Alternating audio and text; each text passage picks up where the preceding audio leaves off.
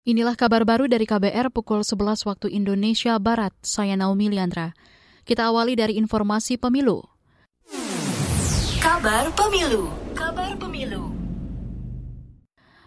Rapat paripurna DPR mengesahkan peraturan pemerintah pengganti Undang-Undang Pemilihan Umum atau Perpu Pemilu menjadi undang-undang. Pengesahan diputuskan Ketua DPR Puan Maharani dalam rapat paripurna hari ini.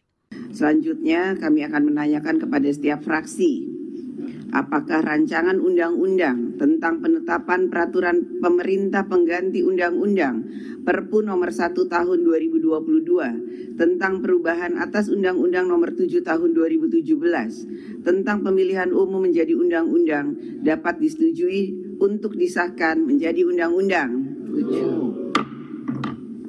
Itu tadi Ketua DPR Puan Maharani. Sementara itu, Ketua Komisi Pemerintahan DPR Ahmad Doli mengatakan Perpu Pemilu mengatur mekanisme pelaksanaan pemilu di daerah otonomi baru DOB Papua, yaitu DOB Papua Selatan, Papua Pegunungan, Papua Barat Daya, dan Papua Tengah.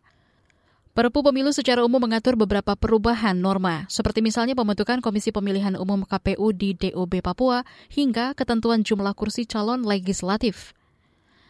Kita ke informasi mudik lebaran.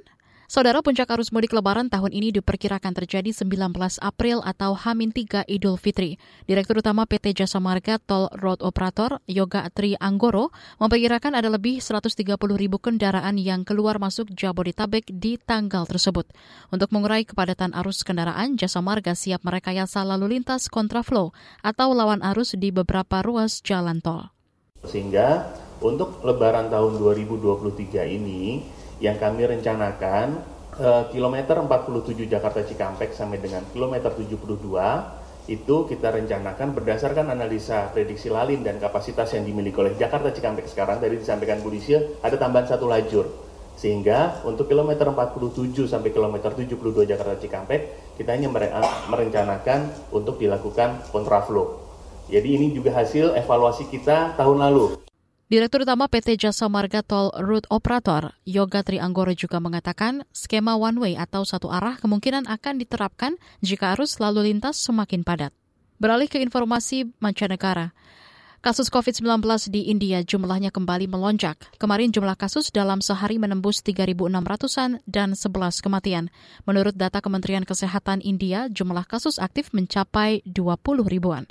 Lonjakan kasus COVID-19 di India diperkirakan akibat penularan varian baru XBB 1.19.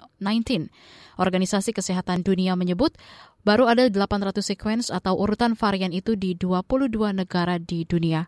Varian itu merupakan jenis baru dan diyakini lebih cepat menular. Meski begitu, tingkat keparahan akibat penularan varian ini dinilai tidak terlalu parah. Demikian kabar baru saya Naomi Liandra.